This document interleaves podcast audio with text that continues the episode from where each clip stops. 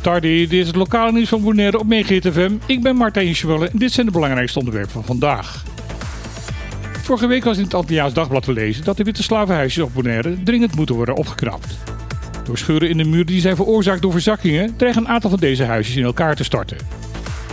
In het artikel is ook te lezen dat voor de renovatie van de huisjes een natuurvergunning nodig is en dat er door het OLB aan Sinava en de Commissie Natuurbeheer Bonaire is gevraagd om deze vergunning met spoed te verlenen. In een reactie aan het Antilliaans Dagblad zegt de Commissie Natuurbeheer Bonaire onaangenaam door deze publicatie verrast te zijn. Volgens de CNB is er namelijk bij hen nooit aanvraag voor een advies ingediend. Daarom zegt de CNB dat ze best willen meewerken aan een spoedadvies, maar dat er dan allereerst door het OLB een aanvraag daarvoor zal moeten worden ingediend. Het is niet duidelijk of Stinapa wel een aanvraag voor de vergunning voor het OLB heeft ontvangen. In het adviesrapport dat kwartiermaker Nijpels maandagavond aan minister Jette en waarnemend gezaghebber Oliane heeft overhandigd, blijken niet alleen adviezen te staan over het klimaatbeleid, maar de oud-partijleider van de VVD geeft het kabinet in Den Haag ook een aantal staatkundige veranderingen in overweging. Tijdens zijn onderzoek over het instellen van de klimaattafel kwam Nijpels steeds het probleem tegen dat hij de weefhout van 10-10 noemt. Hij vraagt zich erbij af of de staatrechtelijke constructie die in 2010 is gekozen voor Caribisch Nederland in de huidige tijd nog wel houdbaar is. Hij noemt het bestuurlijk ongezond dat een veelheid aan ministeries en departementen zich rechtstreeks bezig moeten houden met een stukje Nederland waar minder dan 30.000 mensen wonen. Dat Den Haag stomweg is vergeten om de besteilanden mee te nemen in het nationaal klimaatsbeleid is voor hem daar een sprekend voorbeeld van. Uit de vele gesprekken die Nijpels de afgelopen maanden heeft gevoerd, is hem gebleken dat het ontbreken van een provinciale tussenlaag tussen rijk en openbaar lichamen door veel betrokkenen als een gemis wordt ervaren. Om dit probleem op te lossen en niet te veel te blijven steken in oeverloos overleg, stelt Nijpels concreet voor om zo snel mogelijk een taskforce samen te stellen van 12 ambtenaren vanuit provincies, gemeenten en waterschappen, die voor twee jaar gestationeerd gaat worden op Bonaire.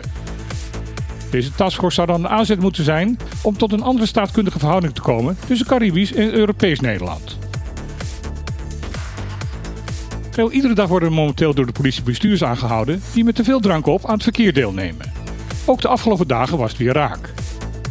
Wat daarbij opvalt is dat de politie op eigenlijk alleen maar reageert wanneer er sprake is van opvallend weggedrag. Bij een ongeluk of wanneer een politiepatrouille een wagen slingend over de weg ziet gaan, wordt het ademanalyseapparaat getrokken en moet er geblazen worden. Meestal blijkt dan dat de agenten de situatie goed hebben ingeschat. Krijgt de bestuurder een boete en wordt vaak ook de auto en rijbewijs ingevorderd.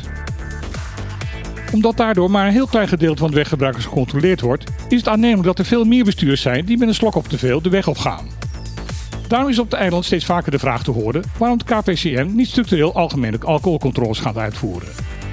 Veel mensen op Bonaire zijn van mening dat wekelijkse controles op bijvoorbeeld vrijdag en zaterdagavond zeer preventief zullen gaan werken om het alcoholgebruik in het verkeer tegen te gaan.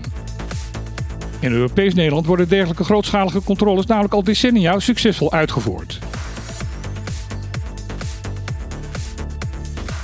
Een al jarenlang slepend conflict tussen Frankrijk en de der Nederlanden lijkt deze maand ten einde te gaan komen. Het gaat daarbij om de definitieve vaststelling van de grens tussen het Nederlandse en het Franse deel van Sint Maarten.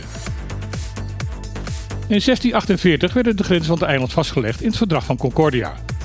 Echter, over de aantal plekken van de grens bleef het verdrag enigszins vaag. Dit kwam door de slechte kwaliteit van de landkaart uit die tijd. Honderden jaren leefde dat wel wat kleine conflicten op, maar het escaleerde pas echt in 2014. Toen overvielen 50 met machinegeweren bewapende gendarmes een net geopend hotel, waarvan men dacht dat het net aan de Nederlandse kant van de grens stond. Het Franse gezag op het eiland bleek daar anders over te denken en claimde dat het hotel zonder de vrijste Franse vergunning was gebouwd. Het conflict werd aan beide kanten hoog opgenomen, wat uiteindelijk in 2017 leidde tot een Franse klacht tegen Nederland bij de Verenigde Naties. Dit zorgde ervoor dat er eind 2021 gestart werd met gesprekken over een definitief vaststellen van de grenzen. Dat blijkt nu gelukt te zijn, maar daarvoor moest de oude op het eiland op 348 plekken worden aangepast. Eind deze maand zal een verklaring getekend gaan worden tussen de twee landen, waarmee na ruim 400 jaar eindelijk het probleem is opgelost. Dit was het lokale nieuws van vandaag op Megahit FM. Ik wens iedereen een mooie dag toe en dan heel graag weer. Tot morgen.